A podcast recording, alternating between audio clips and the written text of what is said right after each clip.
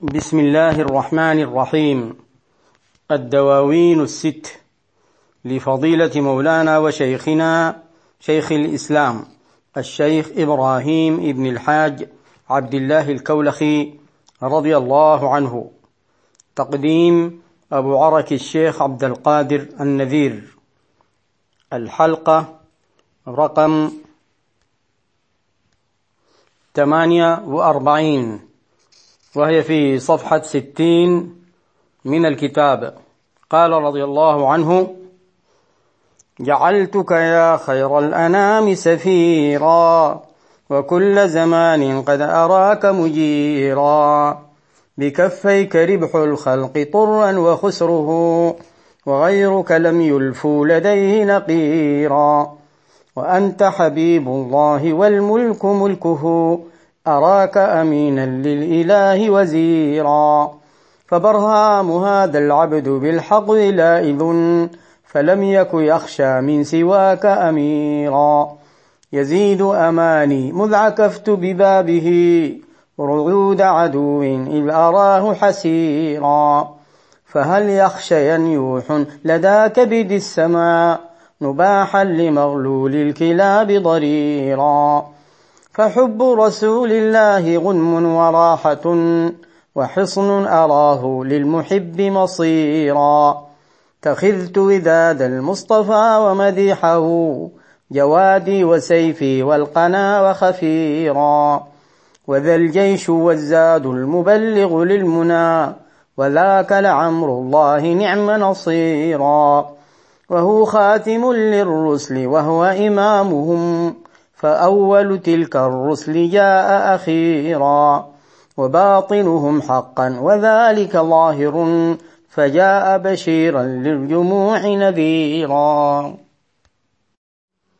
أقول مستعينا بالله تعالى مستمدا من أبوابه رضي الله عنهم. قال الشيخ رضي الله عنه جعلتك يا خير الأنام سفيرا.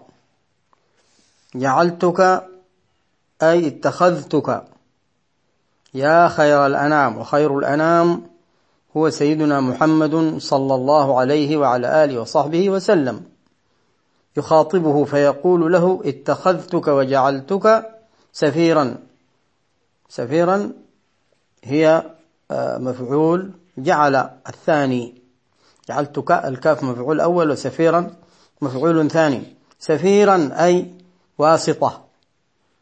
وجعلتك قائدا لي. وجعلتك مصلحا. وكل زمان قد أراك مجيرا. في كل أزماني ووقتي أراك قد هنا للتحقيق والتأكيد. أراك مجيرا. مجيرا يعني حارسا. أراك مانعا. قال صلى الله عليه وعلى آله وصحبه وسلم قد أجرنا من أجارت أم هاني في الحديث يعني. فمن يكون من, من, من جعلته في جوارك هو في حمايتك.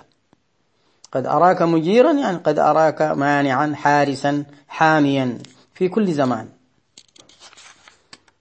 بكفيك ربح الخلق طرا وخسره. بكفيك يا رسول الله ربح جميع الخلق الخلق طرا. أي جميعا. بكفيك يعني عندك وتحت تصرفك وبسببك. باعتبار الربح يكون بالطاعة والاتباع والمحبة.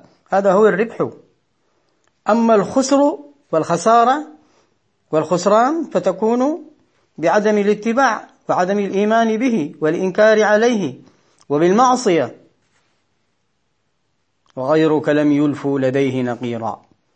غيرك لم يجدوا لديه أي لم يجد الخلق غيرك يا رسول الله لم يجدوا عند غيرك نقيرا.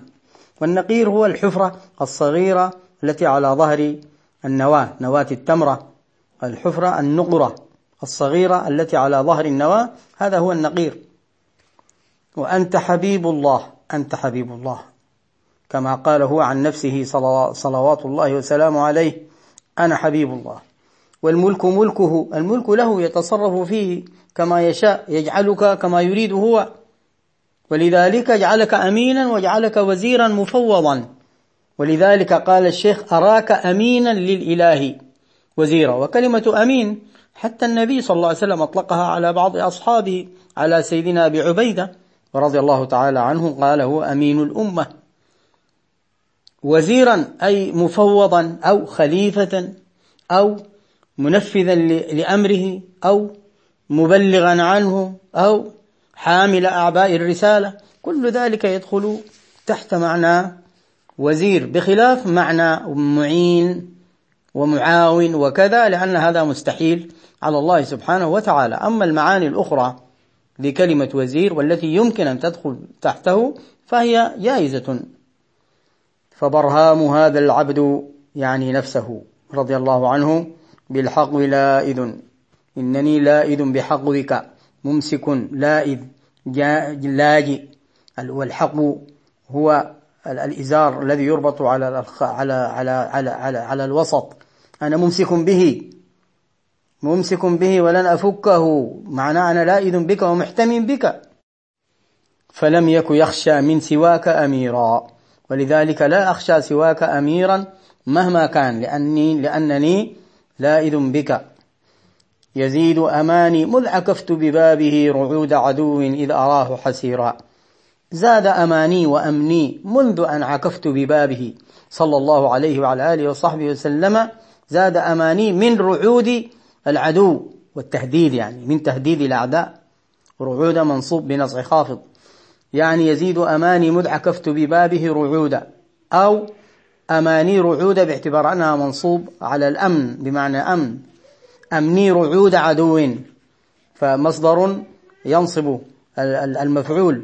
أو منصوب بنزع الخافض من رعود عدو من تهديد العدو. إذ لأنني أراه أرى هذا العدو حسيرا ضعيفا جدا.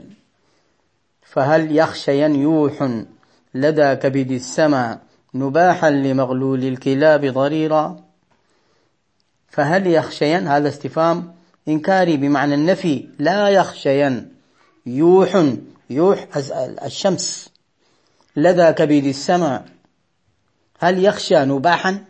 لمغلول الكلاب ضريرا كلب مغلول وضرير وينبح الشمس. ماذا يفعل فيها؟ هذا تشبيه لأعدائه الذين يعني يعادونه ويقفون ضده. وسمعت مرة حكاية عن بعض أصحاب الشيخ رضي الله عنه وعن أن الشيخ رضي الله عنه كان مسافرا وراكبا في سيارة مع وبينما السيارة تمشي سريعا أو تسير سريعا فإذا بكلب ينبح ويجري خلف السيارة. فقال لهم الشيخ رضي الله عنه هكذا الباطل مع الحق. يعني هذا الكلب مهما جرى وراء السيارة فبعد قليل سوف يتوقف ولن يفعل شيئا ولن يلحق بها أصلا. فحب رسول الله غنم أي غنيمة. حب النبي صلى الله عليه وسلم غنيمة. هذا حظ لنا أن نتمسك بحبه حتى نجد ما وجده المحبون. غنيمة. إذا أردت الغنيمة فتمسك بحب النبي صلى الله عليه وسلم. وراحة. إذا أردت الراحة أيضا فتمسك بحب صلى الله عليه وسلم. وحصن. ولذلك قال أراه للمحب مصيرا. المحب. الذي يحب النبي صلى الله عليه وعلى آله وصحبه وسلم يكون له هذا الحب مصيرا ويكون له غنما ويكون له راحة. ولذلك قال اتخذت وداد المصطفى ومديحه أنا اتخذت. حب المصطفى ومديحه جوادي الذي أركبه وأقطع به المسافات وسيفي الذي أحارب به والقنا الحرب والسلاح وخفيرا حارسا مجيرا. وذا الجيش كذلك هو الجيش. والزاد المبلغ للمنى زادي هو. وذاك لأمر الله نفس الحب نعم نصيرا. حبه صلى الله عليه وعلى آله وصحبه وسلم. إما أن ذاك راجع إلى الحب نفسه والوداد أو راجع إلى سيدنا المصطفى صلى الله عليه وسلم نعم هو نصيرا. وهو خاتم للرسل. وهو إمامهم. النبي صلى الله عليه وسلم خاتم الرسل خاتم النبيين كما هو في القرآن الكريم. لكنه إمامهم. ما في ذلك شك. ورد في الحديث أنه صلى الله عليه وعلى آله وصحبه وسلم قال كنت أول الأنبياء في الخلق وآخرهم في البعث. أخرجه ابن سعد في الطبقات وصححه السيوطي. ولذلك قال فأول تلك الرسل جاء أخيرا. في معنى هذا الحديث. فأول تلك الرسل وسابق تلك الرسل جاء أخيرا جاء مبعوثا أخيرا وهو الأول في الخلق. وهو أيضا باطنهم حقا هو باطنهم بنوره الأصلي وإمداد روحه لهم صلى الله عليه وسلم. وذلك ظاهر وكذلك هو ظاهرهم ظاهر شرعهم. أو ذلك ظاهر لا يحتاج إلى تفسير. فجاء بشيرا للجموع نذيرا. جاء بشيرا ونذيرا مبشرا وكذلك منذرا. للجموع أي للإنس وللجن وللناس كافة إلى يوم القيامة. والله أعلم ونواصل إن شاء الله تعالى.